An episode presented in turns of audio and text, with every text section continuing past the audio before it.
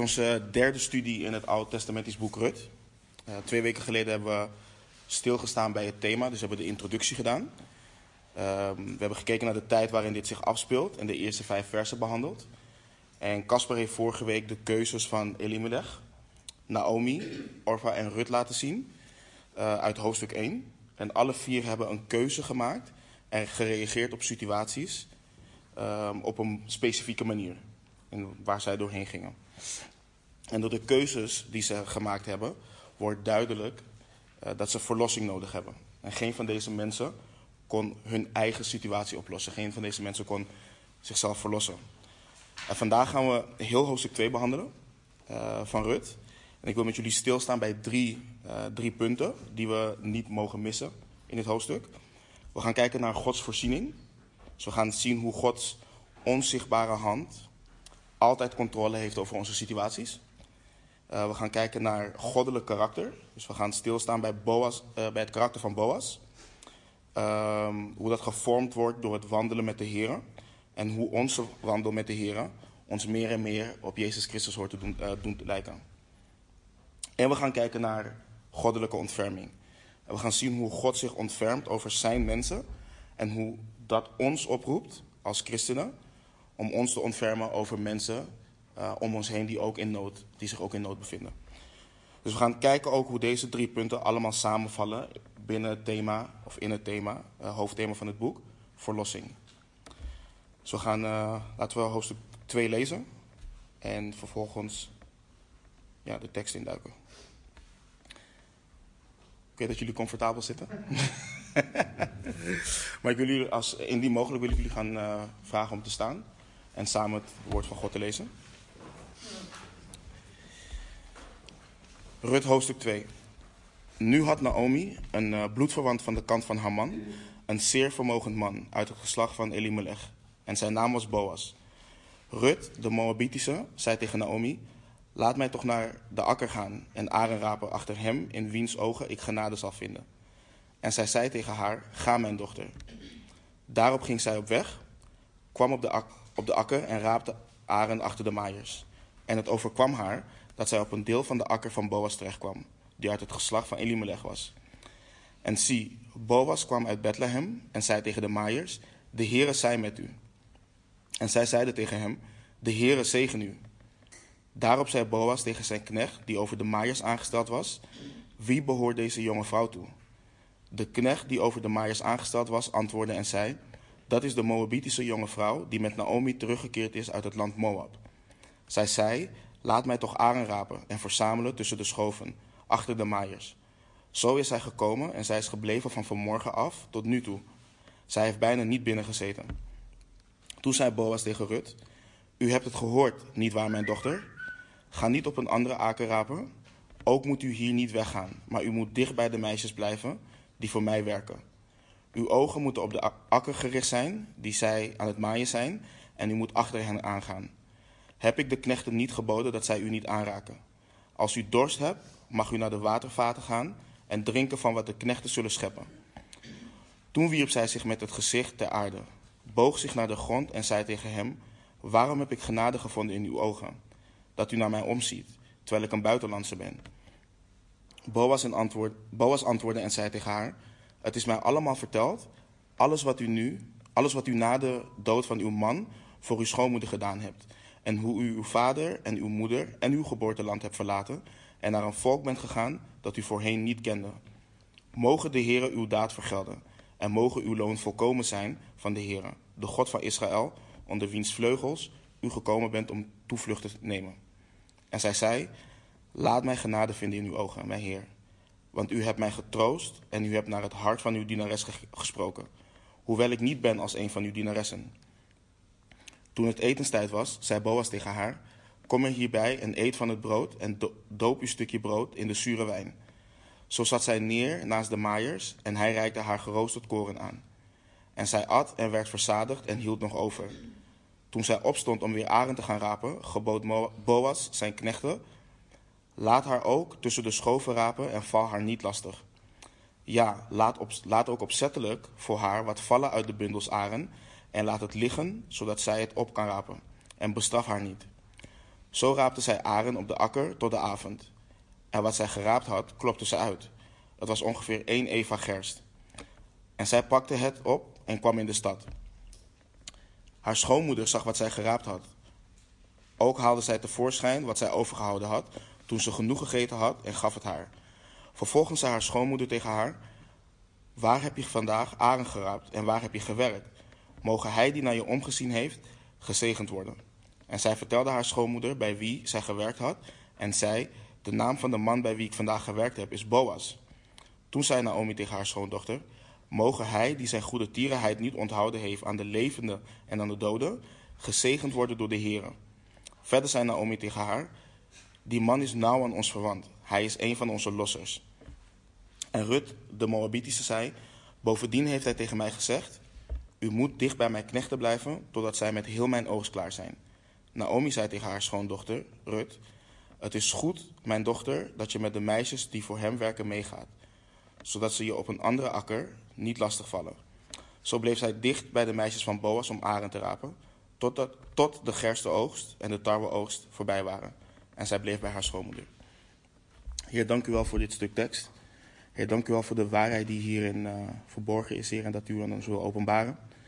Heer, ik bid dat u tot onze harten zult spreken. Heer, dat u ons niet onveranderd hier weg zult laten gaan. En dat u uw doel met deze dienst bereikt, Heer. Heer, we bidden en vragen deze dingen in Jezus' naam. Amen. Neem alsjeblieft plaats. Na de levensverwoestende gebeurtenissen in hoofdstuk 1, waardoor Naomi en Rut uiteindelijk alleen achterblijven en terugkeren naar Bethlehem, maken we in hoofdstuk 2 kennis met Boas. En we lezen in vers 1: Nu had Naomi een bloedverwant van de kant van haar man, een zeer vermogend man, uit het, uit het geslacht van Elimelech, en zijn naam was Boas. En Boas is een bijzondere, uh, bijzondere man om verschillende redenen. De, man, de naam van Boas betekent in hem is kracht. En de zoon van David, Salomo, die ook een koning was van Israël, was blijkbaar zo onder de indruk van Boas dat we, dat we in 1 Koningen 7:21 lezen dat hij de linkerpilaar in de voorhal van de tempel de naam Boas gaf. Dat is een bijzondere naam voor een paal. In hem is kracht. En Boas stamt ook af van Rahab. Rahab is de hoer uit het boek Joshua, of Joshua, die de twee Israëlitische verkenners verborg in haar huis in Jericho. En de, de verkenners beloofden Rahab en haar huishouden te sparen wanneer God hun het land zou geven, de Israëlieten. En in hoofdstuk 6 van het boek Joshua lezen we dat Joshua Rahab in leven liet met de familie van haar vader en alles wat van haar was. Boas stamt ook af uh, van Juda, van de stam Juda. En elke stam had een, een bijzondere betekenis op zich. Zo kwam uit de stam van Levi de priesters. En uit de stam van Juda kwamen dan de koningen. Niet alle koningen, maar veel van de koningen kwamen van de stam van Juda. En koning David, Israëls grootste koning, en de kleinzoon van Boas, komt ook van de stam van Juda. En zo komt ook onze Heer Jezus Christus van de stam van Juda. Um, en in de stambomen die je tegenkomt in Matthäus 1, vers 1 tot en met 16 en Lucas 3, 23 tot en met 38, lezen we dus dat Jezus, Jezus van die stam komt en ook nog afstam van Boas en Rut. En ik vertelde al tijdens de intro twee weken geleden uh, dat Boas een typebeeld is van Jezus Christus. En in het Oude Testament zie je dat er situaties of personen worden gebruikt die een beeld schetsen van onze toekomstige verlosser, Jezus Christus. En hetzelfde geldt ook voor Boas. Want daar waar de eerste man, man die we tegenkomen in dit boek, Elimelech, gefaald heeft, gaan we zien dat de tweede man, Boas, niet faalt. En we leren in Romeinen 5:18 dat door één overtreding de veroordeling gekomen is over alle mensen tot verdoemenis door Adam. En zo komt ook door één, rechtvaardige, door één rechtvaardigheid de genade over alle mensen tot rechtvaardiging van het leven. Dus de ene keuze van Adam om God ongehoorzaam te zijn, om van de vrucht te eten, heeft dood en verdoemenis gebracht over alle mensen. Die ene keuze van Elimelech om Bethlehem te verlaten, heeft verdoemenis gebracht over hem en zijn gezin. En die keuze is dus te vergelijken met de keuze van Adam. Maar de ene keuze van de Heer Jezus Christus om zijn heerlijkheid af te leggen en naar de aarde te komen als kwetsbaar mens, om voor onze zonde, zonde te sterven en weer uit de dood op te staan, brengt leven voor alle mensen die ervoor kiezen om hem na te volgen. En die ene keuze van Boas om God te gehoorzamen en de verlosser te zijn van Rut en Naomi, brengt herstel en leven voor Rut en Naomi en hun nageslacht. Dus het is een prachtig typebeeld van het werk wat Jezus Christus ook in ons leven doet. En in beide uh, illustraties, of in de illustraties falen in beide gevallen de eerste man. Ze brengen verdoemenis. En de tweede man die slaagt en brengt herstel. We zien de implicaties door het falen van de eerste man van Adam vandaag de dag nog steeds. Elke daad van geweld, oorlog, ziekte, hongersnood, ruzie, elke vorm van tragedie wat plaatsvindt, kan worden herleid tot het moment dat Adam, of vanaf het moment dat Adam en Eva uh, ervoor kozen om God de rug toe te keren in de Hof van Eden, om ongehoorzaam te zijn. En vaak realiseert men het zich niet, en vaak wil men het ook niet realiseren, maar we leven in een gebroken wereld. En je hoeft alleen maar een paar minuten het nieuws op te zetten, je hoeft maar een paar minuten om je heen te kijken en te beseffen dat de wereld waarin we leven gebroken is. En men is op zoek naar hoop. En men wil een betere wereld. Maar de vraag is dan hoe? Hoe herstel je wat gebroken is als jij zelf, of je het nu erkent of niet erkent, gebroken bent en misschien zelf geen hoop meer hebt? Hoe, hoe breng je dan herstel? Hoe maak je dan een betere wereld? En net zoals Naomi en Rut dat niet zelf konden, kunnen wij als mensen deze gebroken wereld ook niet herstellen. De zonde heeft alles kapot gemaakt. En het wordt alleen maar erger. Maar ik had het net over die ene keuze van Jezus Christus. En de Bijbel leert dat, het, dat de enige die herstel kan brengen, de persoon Jezus Christus is. Alleen Hij is in staat en bij machten om daadwerkelijk te herstellen wat er gebroken is in ons leven. En de betekenis van Boas, dus van zijn naam, slaat dan ook de spijker wat betreft Jezus op zijn kop. In hem is kracht. In Jezus is kracht. En we lezen dat Boas, als we verder gaan, lezen we, in Boas, of, uh, lezen we dat Boas een vermogend man was. Een bloedverwant was van Naomi aan de kant van haar man. Dat Boas een vermogend man was, heeft niet alleen betrekking op zijn materiële rijkdom. Maar het schetst ook het beeld dat hij een man was die aanzien had en een nobel karakter had. Dat is wat het ook betekent um, in, in de Hebreeuwse grondtekst. En we gaan dit ook terugzien, dus zijn karakter, gaan we terugzien in dit, in dit hoofdstuk, maar ook in de rest van het boek. En verderop in dit hoofdstuk, in vers 20, noemt Naomi Boas hun losser. En het woord, dus de Bijbel maakt een koppeling met het feit dat er hier in vers 1 bloedverwant staat. Want het woord losser is het Hebreeuwse woord goel, wat dus verlosser betekent. En de oorsprong van dit idee zien we terug in het 25e hoofdstuk van Leviticus, het boek Leviticus en Numeri. Iedere 50 jaar, in het jubeljaar, moesten alle eigendommen die gekocht zijn door rijke mensen, van de mensen die uh, arm waren geworden of failliet zijn gegaan, uh, die het laatste wat ze hadden verkocht hadden om hunzelf te kunnen onderhouden, moest teruggegeven worden aan de oorspronkelijke eigenaren. Het is een prachtig plan van de heren om ervoor te zorgen dat het uh, kapitalisme en uitbuiten van de armen niet uit de hand liep. En je kunt je voorstellen dat 50 jaar een lange periode is. Zeker als je een boer bent. En de Heer heeft in zijn wijsheid en genade nog een manier gegeven waarop een bloedverwant op ieder willekeurig moment hetgeen wat verkocht is wegens faillissement of armoede terug kon kopen voor zijn naaste. En daarom is het zo significant dat Boas hier een bloedverwant wordt genoemd en later in het hoofdstuk ook een losser. En we gaan zien dat hij, Naomi en Rut door Gods werk kan verlossen uit hun hopeloze situatie. In vers 2 lezen we dat Rut aan haar schoonmoeder om toestemming vraagt om naar de akker te gaan en aren te gaan rapen achter hem en wiens ogen uh, ze genade zal vinden. En uh, Naomi zei tegen haar, ga mijn dochter. Het eerste wat opvalt is dat Rut hier het initiatief neemt. Niet alleen om in haar eigen behoeften te voorzien, maar ook in de behoeftes van haar schoonmoeder. Dus Rut, was, er niet, uh, was niet van plan om bij de pakken neer te gaan zitten. Ze had de belofte gemaakt aan haar schoonmoeder om mee te gaan. En ze is niet gaan wachten wanneer haar schoonmoeder iets zou gaan doen. Rut wist dat ze keihard moest werken om samen met Naomi rond te kunnen komen. En God wilde door middel van een wet voorzien in de noden van weduwen, van wezen en van vreemdelingen. En we lezen het volgende hierover in Deuteronomium 24, vers 19 tot en met 22. Wanneer u de oogst op uw akker hebt binnengehaald en u bent een schoof op de akker vergeten, dan mag u niet teruggaan om die op te halen. Hij is voor de vreemdeling, de wees en de weduwe. Dan zal de Heere, uw God, u zegenen in al het werk van uw handen. Wanneer u, wanneer u uw olijven afslaat, mag u de takken daarna niet nauwkeurig afzoeken. Het is voor de vreemdeling, de wees en de weduwe. Wanneer u uw wijngaard leeg geplukt hebt, mag u hem daarna niet nauwkeurig nalopen. Het is voor de vreemdeling, de wees en de weduwe. U moet eraan denken dat u slaaf bent geweest in het land van Egypte. Daarom gebied ik u dit te doen. En ondanks dat de Heer dit geboden had, kun je je voorstellen dat niet iedere boer dit wilde doen.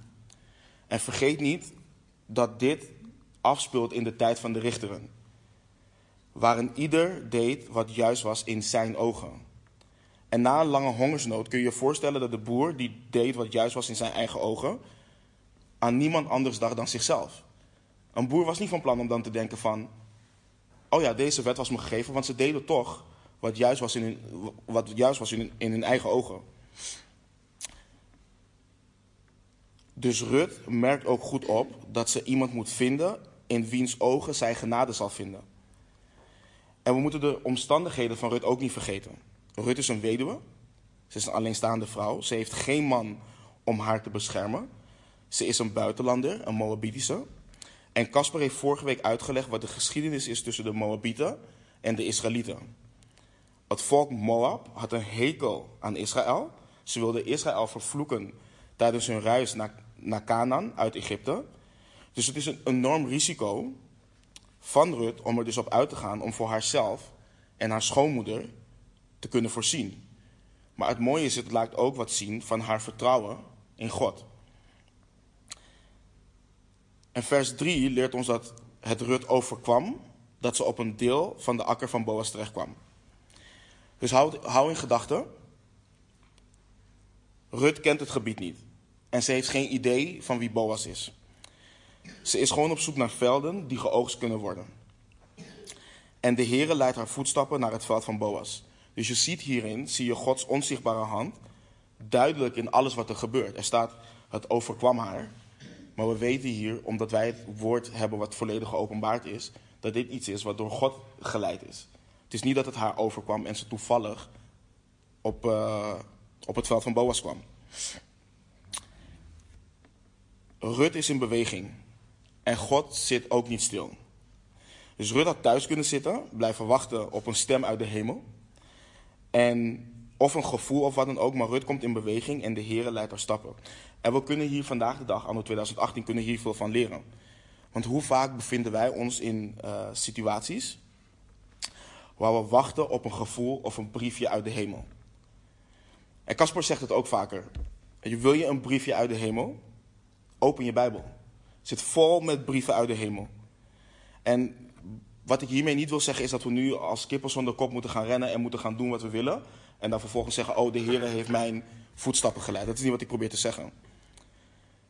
Als we wachten, wachten we omdat de Heer het ons duidelijk heeft gemaakt om te wachten. Als we in beweging komen, dan komen we in beweging omdat de Heer het ook duidelijk maakt dat we in beweging moeten komen.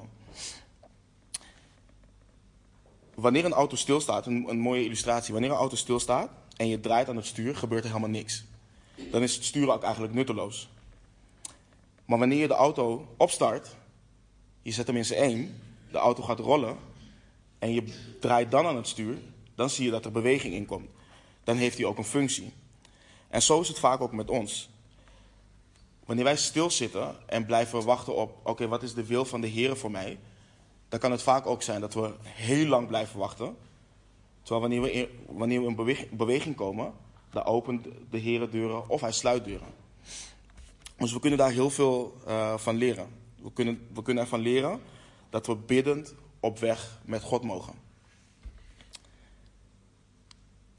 We zien vervolgens dat Boas uit Bethlehem kwam en tegen de maaiers zei: De Heere zij met u. En zij zeiden tegen hem: De Heere zegen u. Is het toeval dat Boas komt wanneer Rut aan het rapen is? Ik denk het niet, het is Gods timing. En we weten ook, als we, als we het evangelie lezen, als we de Bijbel lezen, God is altijd op tijd. En de ontmoeting tussen Boas en Rut, die is door God opgezet. En kijk wat, wat, wat Boas tegen de maaier zegt. De Heere zij met u. En dit laat het waardige en goddelijke karakter van Boas zien. Hij loopt met of tussen de maaiers en zegt: God zij met u. In een tijd waarin ieder deed wat juist was in zijn eigen ogen. En Boas zegent dus zijn maaiers. En het is een mooie illustratie als je dit vergelijkt met Matthäus 1, 23. Als we het vergelijken met het feit dat Boas een typebeeld is van de Heer Jezus Christus. Waar we lezen in Matthäus 1, 23. Zie, de maag zal zwanger worden en een zoon baren. En u zult hem de naam Immanuel geven. Vertaald betekent God met ons. In Genesis 3 lezen we dat God met Adam en Eva wandelde. Maar zij waren hem ongehoorzaam en zondigden. In Deuteronomium 23 lezen we dat de glorie van God in het midden van het kamp van Israël was. Maar Israël was weer opstandig tegen God. Toen kwam God in de persoon Jezus Christus naar aarde. En we lezen in Johannes 1 dat de wereld hem niet heeft gekend en de zijnen hem niet hebben aangenomen. Het mooie wat we hier lezen is dat God zich altijd onder de mensen wil bevinden. Altijd. En daarom vind ik, vind ik de illustratie ook mooi en het type beeld van Boas. Dat hij zich tussen zijn maaiers bevindt. En wij ook kunnen, en wij ook leren, Immanuel, God is met ons. En de reactie van de maaiers op Boas laat ook zien dat het een man was die zij respecteerden. Boas vraagt vervolgens aan de knecht, die over de maaiers is aangesteld, wie de jonge vrouw, dus Rut, toebehoort. En de knecht legt vervolgens uit, dat is de Moabitische jonge vrouw die met Naomi teruggekeerd is uit het land Moab. Zij zei, laat mij toch aanrapen en verzamelen tussen de schoven achter de maaiers. Zo is zij gekomen en zij is gebleven van vanmorgen af tot nu toe. Ze heeft bijna niet binnengezeten. Iets wat we niet over het hoofd mogen zien als je kijkt naar de knecht zonder naam. In Genesis, Genesis 24 komen we ook een knecht zonder naam tegen. Um, de knecht die erop uitgestuurd wordt om een bruid voor Isaac te vinden. En dit is een mooi beeld van het werk van de Heilige Geest. Die nooit van zichzelf getuigt, maar altijd van Jezus Christus. En zo brengt de knecht Boas en Rut ook weer bij elkaar. En het valt op dat de knecht drie dingen over Rut zegt. Eén, Rut is niet arrogant of verwaand. Rut had de wet kunnen citeren om te laten zien dat het haar recht is om daar arend te rapen. Maar ze vraagt om toestemming. En dit is een nederige houding waar wij vandaag de dag veel van kunnen leren. Jeremia 9:24 uh, leert ons dat wij ons nergens op kunnen beroemen. Alles wat wij krijgen, krijgen wij van de Heer uit genade. En om die genade mogen we altijd vragen, net zoals Rut dat ook vraagt. De knecht leert ons ook dat Rut een harde werker is. Ze heeft de hele dag gewerkt sinds de ochtend en heeft op dat moment pas een kleine pauze genomen. Dus Rut wordt niet op luiheid betrapt. Hoe zit dat met ons? Onze getuigenis, bijvoorbeeld op het werk, als christen, hoort onbevlekt te zijn. Hetzelfde geldt voor thuis. Run jij je huishouden of runt jouw huishouden jou? Rut wordt in ieder geval niet betrapt op luiheid en dat is ook iets wat in ons niet te zien mag zijn eigenlijk. Het derde, Rut heeft niet alleen een goede reputatie van horen zeggen. Men heeft dus van haar gehoord, maar wanneer men met haar in aanraking is gekomen,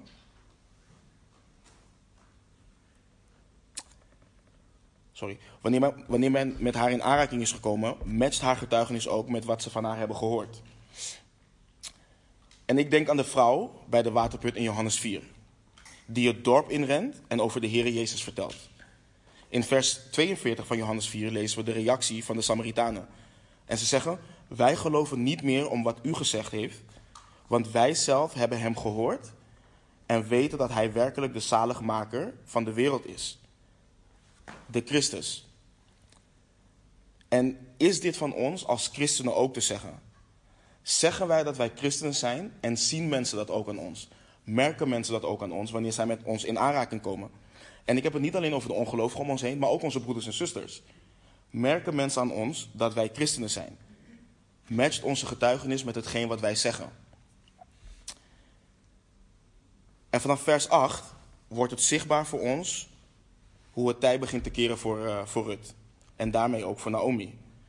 Rut ziet het zelf nog niet. Maar Gods onzichtbare hand is het voor ons die het volledig openbaard woord hebben, van God zichtbaar aan het werk. Boas toont op verschillende niveaus zijn vriendelijkheid aan Rut. Door haar te vertellen alleen op zijn akkers, aren te rapen, neemt hij haar in bescherming. En we mogen niet vergeten hoe kwetsbaar Rut is. Zij was een groot risico dat ze mishandeld of misbruikt zou worden, zelfs verkracht kunnen worden. En daarom bevalt Boas zijn arbeiders specifiek om haar niet aan te raken. Hij geeft haar zelfs onbeperkt toegang tot zijn akker, zonder enige voorwaarden. En tenslotte verleent Boas Rut buitengewone waardigheid door haar te vertellen dat ze moet drinken uit de waterpotten van zijn dienaren wanneer ze dorst heeft. En om te begrijpen waarom dit zo bijzonder is, is het belangrijk om de culturele context hiervan te begrijpen. De geschiedenis leert ons dat in die tijd buitenlanders water, water moesten putten voor de Israëlieten. En dat de vrouwen dat moesten doen voor de mannen. En hier heb je Rut, een Moabitische vrouw, die niet zelf haar water hoeft te putten, maar mag drinken van de waterpotten van de dienaren wanneer zij dorst heeft. En dit ging dus tegen alle culturele standaarden van die tijd ging dit in. En eerder, waarom dit ook zo bijzonder is en waarom ik het mooi vind, is eerder hebben we stilgestaan bij het feit dat Rahab de moeder is van Boas. Dus als er iemand is die snapt hoe het is om een vreemdeling te zijn in een ander land, is Boas het wel. Want hij weet dat zijn moeder ook geaccepteerd is door het volk Israël. Dus het, het is heel mooi dat hij dus op die manier ook weer zijn genade laat zien aan Rut, die ook weer een buitenlandse vrouw is. En wat belangrijk is en wat we niet over het hoofd mogen zien, is dat Boas het niet zomaar even makkelijk heeft gemaakt voor, Rahab, eh, voor, voor uh, Rut. Hij hij heeft haar niet een zak geld of wat eten meegegeven of tegen haar gezegd: Kom elke dag om twee uur en hier krijg je je zak met eten, zak met wat je nodig hebt om te kunnen overleven. Hij heeft in die zin niet haar ongemakken weggenomen. Rut moest nog steeds keihard werken, maar ze kon dat nu doen onder de bescherming en de genade van Boas. En ook zo is het voor ons wanneer wij tot Christus komen. De ongemakken worden niet weggenomen voor ons als christenen. We leven nog steeds in een gebroken wereld. We moeten nog steeds hard werken. We kunnen nog steeds ziek worden. We zullen nog steeds met tegenslag te maken krijgen. Het leven voor een christen is in vele opzichten is het zwaarder dan een leven, voor een dan een leven van een ongelovige. Daar waar we allemaal geconfronteerd worden met de ongemakken van het leven, worden alleen christenen geconfronteerd met zaken die alleen wij meemaken als christenen. Puur en simpelweg het volk dat we vervolgd worden om het feit dat we christenen zijn. Kijk maar bijvoorbeeld in landen als India of uh, in Irak of noem maar op. En ik wil hier absoluut niet mee zeggen dat we zielig zijn, want dat zijn we niet. Maar als ik denk aan de ongemakken van het leven en de beloften van God in zijn woord, dan ben ik hem zo dankbaar dat we op hem mogen vertrouwen. In alle ongemakken die we meemaken. De apostel Paulus is een man die de ongemakken van het leven als christen heeft meegemaakt. En hij heeft in zijn brief aan de Filippenzen zo mooi beschreven. En ik weet wat het is vernederd te worden. Ik weet ook wat het is overvloed te hebben. In elk opzicht en in alles ben ik ingewijd. Zowel in verzadigd zijn als in honger lijden. Zowel in overvloed te hebben als in gebrek te lijden. Alle dingen kan ik aan door Christus die mij kracht geeft. En het mooie aan een christen zijn is dat God ons door situaties heen draagt. Dat Hij kracht en genade geeft. En in elke situatie kunnen we kracht krijgen van God om Zijn wil te doen. En let op de reactie, de nederige reactie van Rut in vers 10. Ik kan me voorstellen dat Rut helemaal overweldigd was door wat Boas voor haar doet op dat moment. En om voor iemand zo neer te buigen was een manier om respect en dankbaarheid te tonen. En vergis je niet, ze aanbidt Boas niet op, op, op deze manier. En ze aanbidt hem niet. Maar het laat wel een hart van eerbied zien. En dit is ook hoe onze houding als christenen richting God hoort te zijn. God die ons zoveel genade geeft. En om, om, om een beeld te krijgen van genade. Genade is iets krijgen wat we niet verdienen. Als je het heel simpel wil brengen. We verdienen het kruis niet. We verdienen Jezus Christus niet. We verdienen het eeuwig leven niet. Maar God geeft het uit genade. En de nederige houding van, van Rut is de houding die we zien bij iemand die echt tot bekering is gekomen. Wanneer je beseft in wat, in wat voor lage staat de zonde je heeft gebracht. En dan verbaasd en overweldigd bent door de hoogte waarna Gods genade je heeft gebracht. Ik kan er met mijn hoofd niet bij. Zo'n goede en heilige God, perfect in heel zijn wezen, toont zoveel liefde en genade aan zondige wezens als wij mensen. Dat is gewoon iets wat wij niet kunnen bevatten. En Ruth had het zich ook nooit kunnen voor, uh, voorstellen. Ik denk niet eens in haar wildste dromen. Dat iemand haar zoveel genade zou tonen. En dus je ziet haar oprechte dankbaarheid en haar nederigheid. En oprechte dankbaarheid, dankbaarheid is altijd nederig. Altijd. De reactie van Ruth is verfris, verfrissend en bemoedigend om te lezen. Zeker in de tijd waarin we vandaag de dag leven. We leven in een tijd waarin we vinden dat we recht hebben op van alles. We verwachten van alles. En we denken dat ons alles ook toebehoort. Kijk maar naar de wereld om je heen. Dat is gewoon, mensen grijpen gewoon. Omdat, ze vinden, omdat we vinden dat alles ons toebehoort. En je herkent trotse mensen aan het feit dat ze niet verbaasd zijn dat ze goed behandeld worden. Zo herken je trotse mensen vaak. Ze vinden namelijk dat ze het verdienen om zo behandeld te worden. Maar Rut ziet haar onwaardigheid en is verrast dat ze met zoveel genade wordt behandeld. En deze houding hoort een ieder van ons als christenen te kenmerken. Deze nederigheid van Rut. En Rut vraagt vervolgens waarom ze genade in de ogen van Boas gevonden heeft.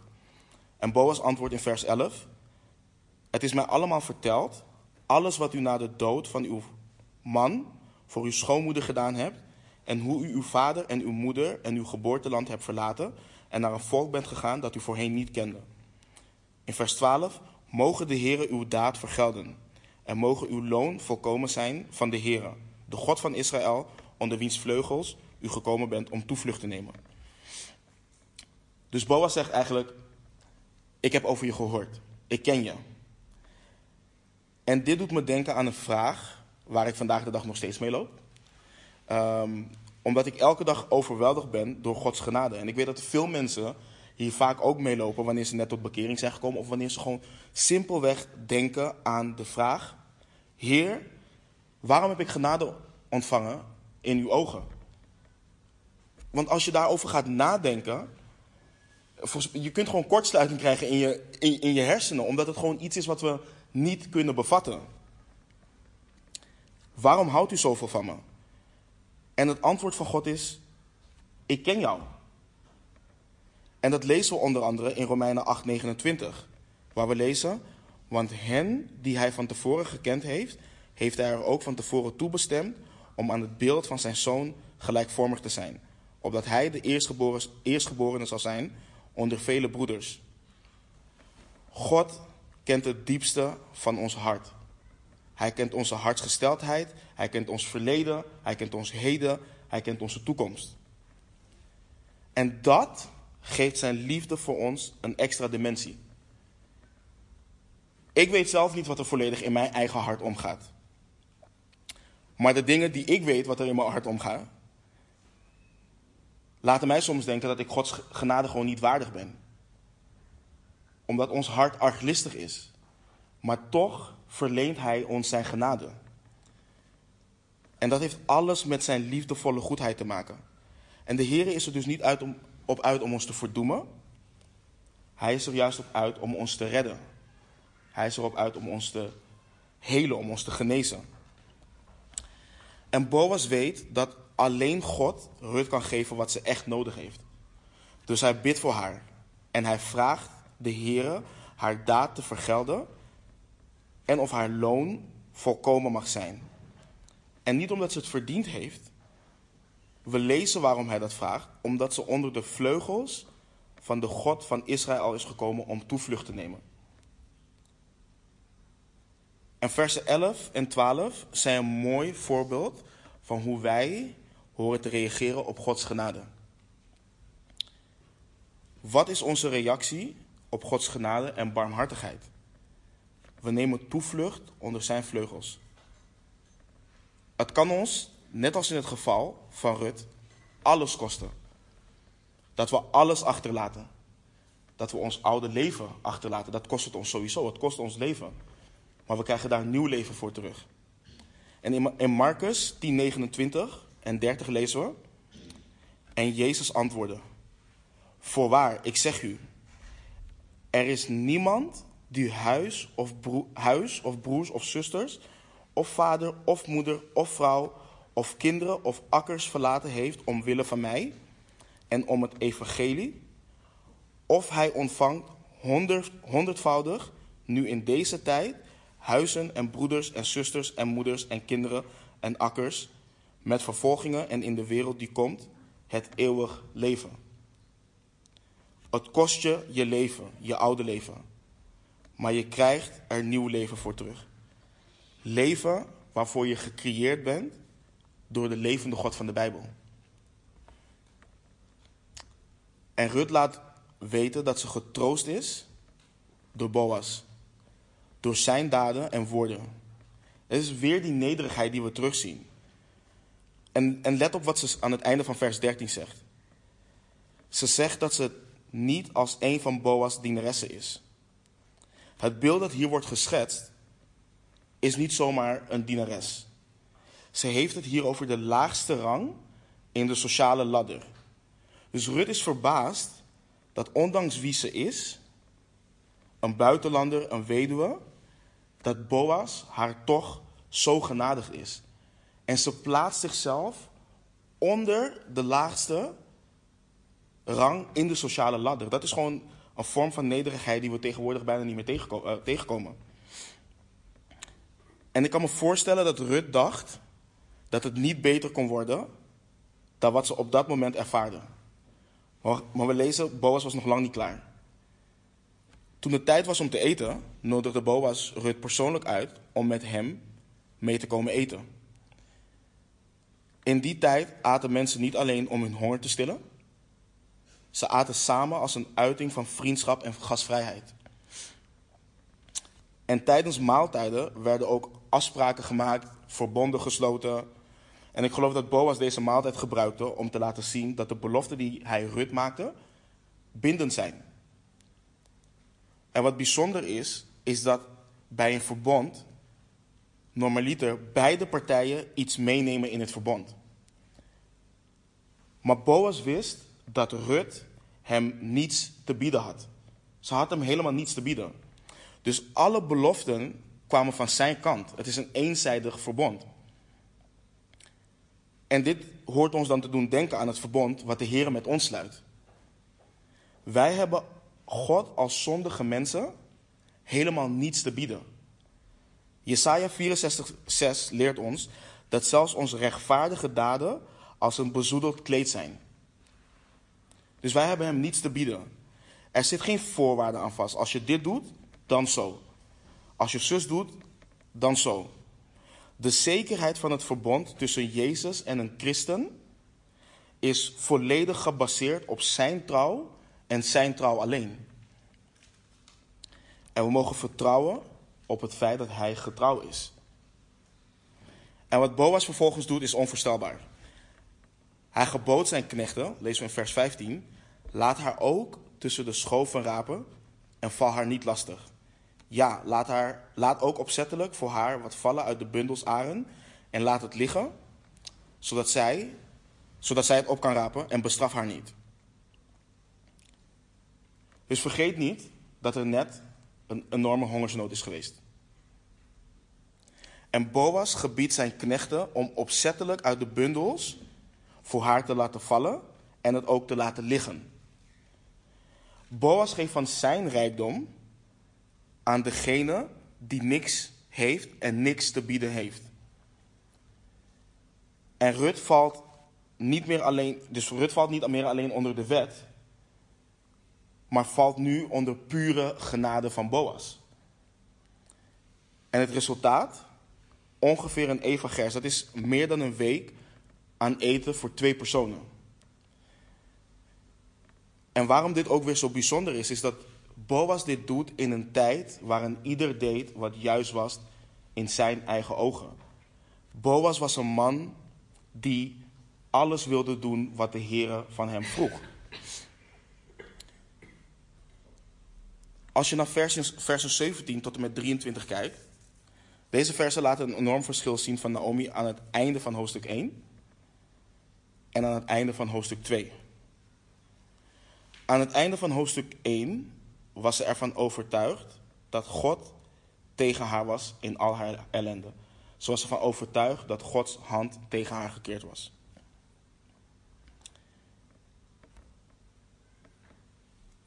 Toch kan ze nu opnieuw proeven en zien dat de Heere goed is. Dat Hij er voor haar is, dat haar hoop is hersteld en ze beseft en erkent dat God haar niet verlaten heeft. Ze ziet dat Hij getrouw is. En we mogen daarvan als gelovigen mogen daar echt van leren. God verlaat ons niet en laat ons niet in ons lijden. Zelfs al zal ons lijden eindigen in de dood, heeft het lijden nooit het laatste woord. Het laatste woord in ons leven als gelovigen is Jezus Christus. Dat is het laatste woord. Mensen, ik ben ervan overtuigd dat het lijden van tegenwoordig niet opweegt tegen de heerlijkheid die aan ons geopenbaard zal worden. Paulus zegt dat zo mooi in Romeinen 8, vers 18. Dit is een vers wat we moeten markeren in ons Bijbels. Het is een vers wat we mogen opslaan in ons hart, waar we elke dag opnieuw over mogen nadenken. Het lijden van de tegenwoordige tijd weegt niet op tegen de heerlijkheid die aan ons geopenbaard zal worden. En wat, wat betekent dus dus allemaal voor ons. En waar hebben we naar gekeken? Ze hebben gekeken naar Gods voorziening. We hebben Gods hand gezien in het dirigeren en vormen van de hoofdpersonen hun levens. En wanneer het leven moeilijk is, is een van de manieren waarop we tegen ontmoediging kunnen vechten, te vertrouwen op het feit dat God altijd achter de schermen aan het werk is. Zelfs in de meest wanhopige tijden van onze levens. God is genadig, Hij is soeverein. Zelfs op de momenten wanneer Hij stil lijkt. Zelfs dan is Hij aan het werk. En God werkt op manieren die we niet zien. En zeker wanneer we verblind zijn door wanhoop en door ons lijden. En Hij voorziet vaak, wat we ook in dit boek zien, door mensen die een ontvankelijk hart hebben voor de leiding van de geest, soms zelfs onbewust. Net zoals Boas een instrument van Gods voorziening was, wil Hij ook door onze levens werken als we liefde, genade en zorg verlenen aan mensen in nood. We hebben gekeken naar goddelijk karakter van Boas en Rut. Dit is eentje voor de mannen. Ons ultieme voorbeeld is Jezus Christus. Maar in dit geval, in dit verhaal, gebruik ik Boas als illustratie. Streef na om een man van nobel karakter te zijn. Een man die een zegen is voor de mensen om hem heen. Een man die onbaatzuchtig is. Een man die vrijgevig is. Meelevend, respectvol, zorgzaam, liefdevol en zachtaardig. En zachtaardigheid, van zachtaardigheid word je geen watje. De wereld leert ons dat we, watje zijn, dat we watje zijn als we zachtaardig zijn. Maar dat zijn we niet. We zien het in de Bijbel. Jezus is alles behalve een watje, maar hij is zachtaardig. Dus streef dat na. Als een leider neemt hij zijn verantwoordelijkheid om op een respectvolle en liefdevolle manier te voorzien voor hen die onder zijn zorg vallen. Dit is niet je doorsnee type man van de wereld. Dit is niet de doorsnee type man die de wereld voorschotelt. Dus mannen, streef na om een leider te zijn die de verantwoordelijkheid neemt als je getrouwd bent in je huishouden, in je gezin, een geestelijk leider ook, maar ook voor de mensen om je heen, ook binnen de gemeente. Voor de vrouwen, ook jullie voorbeeld, ultieme voorbeeld, is Jezus Christus. Maar ook hier gebruik ik het voorbeeld van Rut. Rut vertegenwoordigt het karakter van een volwassen vrouw. Ze is bescheiden, bescheiden. Ze neemt de verantwoordelijkheid om hard te werken voor haarzelf en de mensen waarvoor ze zorgt. Zelfs wanneer het veel of bijna alles van haarzelf eist. We hebben gekeken naar, als derde, goddelijke ontferming. Hoeveel mensen om ons heen hebben wel, hebben, hebben wel niet goddelijke ontferming nodig? Hebben het niet nodig om het te ervaren. En de Heer heeft zich ontfermd over een ieder van ons. Hij laat, zien, hij laat het zien door zijn compassie, door zijn vrijgevigheid, door zijn genade, door zijn barmhartigheid en al deze dingen horen wij weer door te geven aan de mensen om ons heen. We horen deze dingen niet voor onszelf te houden. En niet alleen aan de ongelovigen om ons heen. Maar zeker ook onze familie in Christus. We hebben gezien hoe Boas zich ontfermde over Rut. We hebben gezien hoe Rut zich ontfermde over haar schoonmoeder, Naomi. En al deze dingen zijn, zijn verlengstukken van Gods ontferming over de mens en het roept ons op om ook onbaatzuchtig te handelen in het tonen van liefde en compassie voor de mensen en nood om ons heen. Het is een fantastische manier om de mensen in nood te laten zien dat Gods verlossing er voor hen, is. En ik ga niet vragen of je Gods verlossing nodig hebt, omdat de Bijbel leert dat een ieder verlossing nodig heeft. Dus dat is de vraag niet. Mijn vraag is vanmorgen: ben je bereid, in wat voor situatie je nu ook, nu ook bevindt, om de hand van de God van de Bijbel die naar je uitgestrekt is, om jou te verlossen, vast te grijpen en een nieuw of hernieuwd, hernieuwde relatie met Jezus Christus aan te gaan? Vergis je niet, we hebben allemaal verlossing nodig. Dus ben je bereid om zijn hand vast te grijpen? Er zullen mensen zometeen langs de zijkant staan. Ik wil uh, Kees en Lianne wil ik vragen. Uh, Martien en Evelien. Delano. Um, Ferry zal zometeen naar voren komen en uh, twee liederen ehm, zingen en ons leiden in aanbidding. En ik wil je vragen om een moment te nemen, om te gaan bidden, om een gesprek aan te gaan met de Heer. En Hem te vragen om wat, je ook, wat ook tussen Hem en jou instaat. Om dat kenbaar te maken en het mogelijk te maken dat je Zijn hand vastgrijpt. En om Zijn verlossing, Zijn genade en Zijn liefde te gaan ervaren. Laten we bidden. Ja, dank u wel voor wie u bent. Dank u wel voor uw liefde, liefdevolle goedheid. Dank u wel voor uw trouw. Dank u wel voor verlossing. Dank u wel dat u zo'n 2000 jaar geleden in de persoon Jezus Christus naar aarde bent gekomen. Dat u naar aarde bent gekomen om ons, zondige mensen, te verlossen. Om ons een nieuw leven te geven. Om ons het leven te geven waarvoor wij gecreëerd zijn. Een leven met de levende God. Heer, u weet wat wat, uh, wat in onze harten afspeelt, Heer. U kent ons. En ik wil u vragen om ons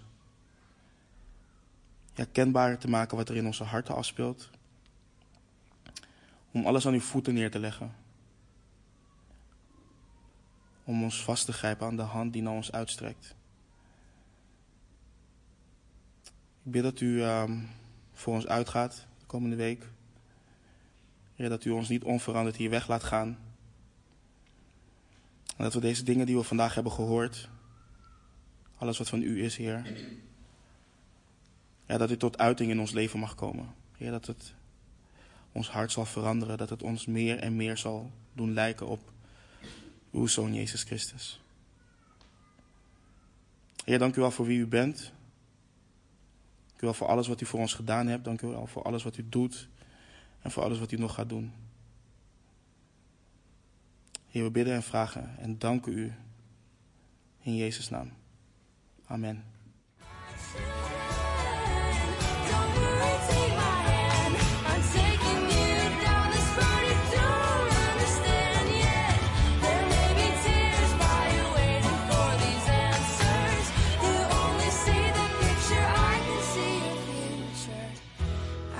tell you right now, it's gonna be alright.